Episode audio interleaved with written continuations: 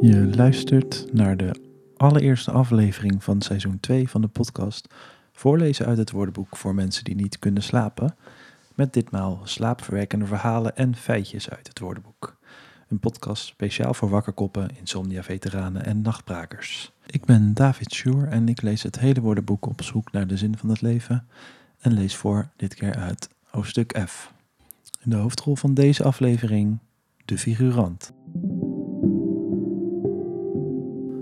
Figurant, de, mannelijk, figuranten, of figurante, de, vrouwelijk, 1805, Frans, 1.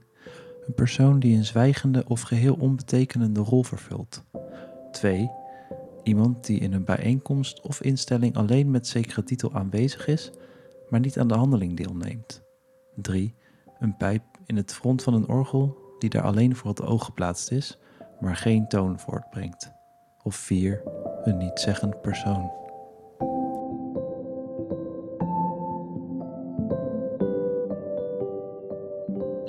Ik ben jaren geleden een keer figurant op een set geweest van de Nederlandse televisieserie. Je moest een hele dag vertoeven op een plek waar de wereld was dichtgespijkerd. En het was vooral wachten. Wachten op die ene scène waarin elke figurant het verschil hoopt te maken.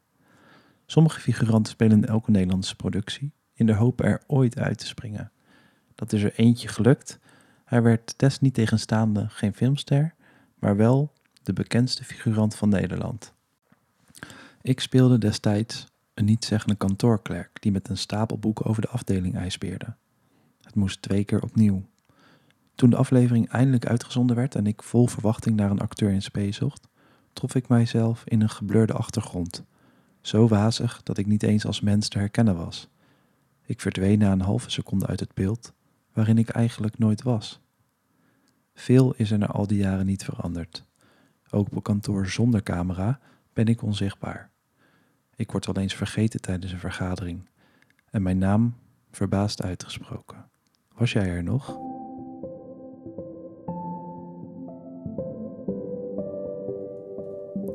De figurant aan het orgel. De pijp in het orgel dat alleen voor de sier dient, noem je ook een figurant. Het opvulsel van het kerkelijk ensemble. Het woord figureert in deze betekenis ook vaak in cryptogrammen. Maar waarom zou je, als die pijp er toch hangt, deze niet ook gewoon voorzien van een muzikale noot? Ik vroeg mijn vader, een orgelspecialist. Noem een willekeurige dorpskerk in Oost-Siberië en hij vertelt je welk orgel er daar aan de muur hangt. Een spannende anekdote over het liefdesleven van de organist in Kluis. Volgens hem hangen de figuranten niet aan het orgel, maar staan ze keurig in het gelid in de frontvelden van de kas. Waarom ze er staan? Hij noemt de volgende redenen. Soms wordt een prachtig oud historisch orgel helemaal gesloopt, op de kas na. In zo'n geval laten ze de frontpijpen er wel in staan, omdat die zo mooi bij de kas passen. Maar omdat de toon die ze voortbrengen een heel andere kleur heeft dan het nieuwe pijpwerk, worden ze met stomheid geslagen door de conducten, en dat zijn de windkanaaltjes, te verwijderen. Dan heten ze loze pijpen.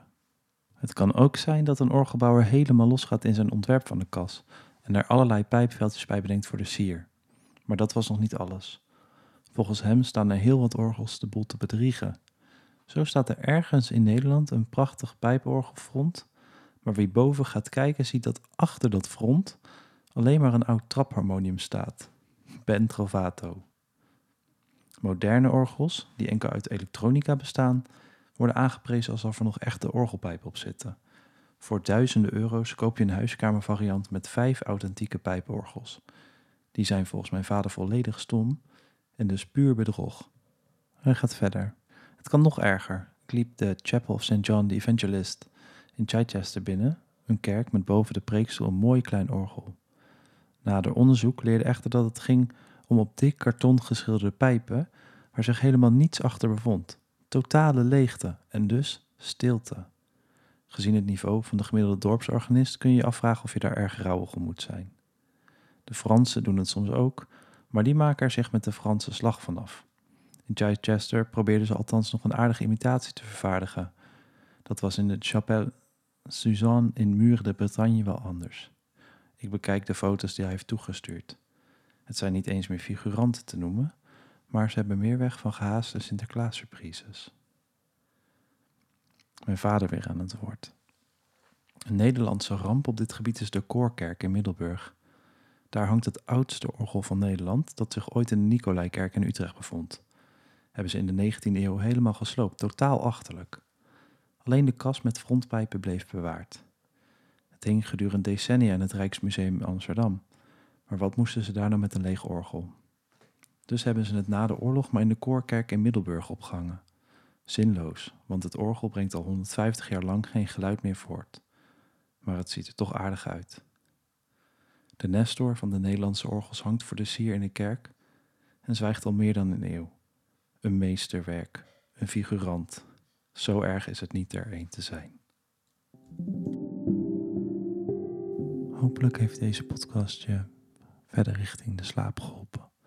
Mocht dat nog niet zo zijn, luister dan naar een willekeurige aflevering van de podcast Voorlees uit het woordenboek voor mensen die niet kunnen slapen. Slaap lekker.